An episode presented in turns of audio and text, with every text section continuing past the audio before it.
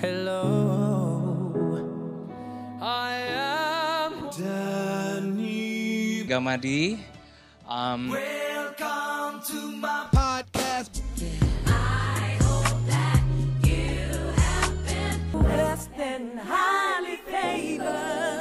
Hello, welcome to podcast series Gen Z Ministry bersama gue Denny Gamadi dan hari ini ada seorang tamu yang spesial yaitu Stephanie Rachel. Yeay. Yeay. Halo, manggilnya apa nih ya?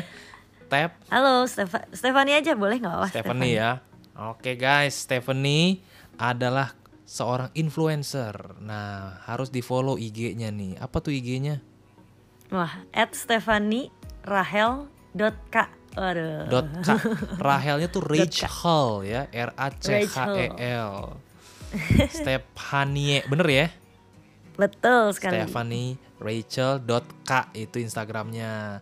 Beliau adalah co-founder dari Youth Revival Bandung dan Youth Pastor di tempat itu juga. Bener banget. Nah, hari ini kita lagi bahas tentang pelayanan kepada Gen Z, yaitu mereka yang usia SMP, SMA, dan kuliah. Hmm, mantap. Nah, jadi gue mau nanya nih, menurut lu sekarang gimana sih karakteristik Gen Z itu? Hmm, menurut menurut aku secara pribadi sih Gen Z itu sekarang lebih ke kayak generasi teknologi ya.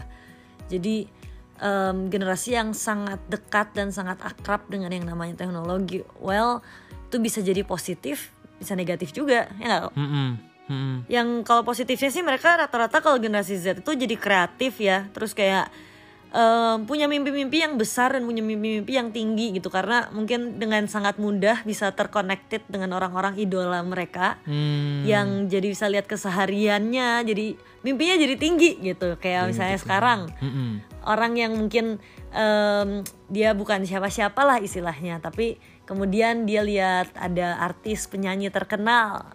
Nah jadi kepengen nih jadi kayak artis terkenal ini nih. Dan sekarang jadi serba mudah sih buat mencapai itu asal kita punya talent asal kita em, mau mengembangkan konsisten hmm, jadi sangat bisa tercap tergapai lah gitu ya hmm, Terus hmm. jadi ya serba mudah sih ya kalau buat generasi Z sekarang. Jadi kayak apa pun bisa diraih, apa pun bisa dicapai. Tapi nih bro, ada juga negatifnya bro. Hmm, hmm.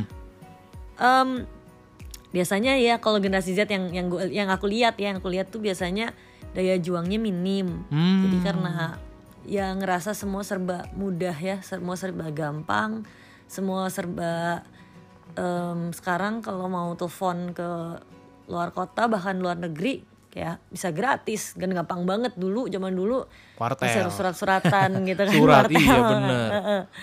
Jadi sekarang serba mudah sih jadi Serba mudah ya. ya negatifnya jadi daya juangnya minim ya karena jadi generasi instan mungkin katakan Hmm. Bullseye. Jadi Yes. karena instan plusnya kita bisa jadi apa pun yang kita mau, langsung dapat lampu Iya. sorot gitu ya, dapat like, dapat panggung.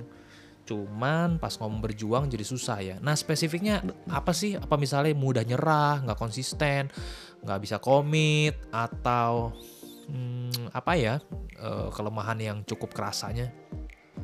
Kalau menurut aku kelemahan terbesarnya tuh lebih kayak endurance ya. Jadi kayak ketahanan untuk konsistennya tuh jadi sangat minim. Mungkin karena ya itu karena kata orang kan katanya ada harga ada rupa. Sedangkan sekarang mungkin buat orang mencapai sesuatu harganya sangat murah. Jadi kayak lama-lama jadi em, perjuangannya tuh nggak sebesar kayak generasi-generasi di atas kita lah gitu. Well, aku juga termasuk generasi Z gitu. Jadi kayak ini melik seperti bercermin melihat diri sendiri gitu.